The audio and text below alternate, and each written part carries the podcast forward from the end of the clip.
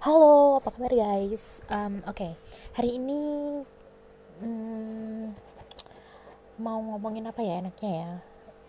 Uh, sharing, mungkin sharing soal nikah, karena gak tau kenapa ya, akhir-akhir ini tuh di bulan Juli dan Agustus ini uh, banyak banget undangan nikahan. Padahal lagi masa ppkm sama lagi pandemi.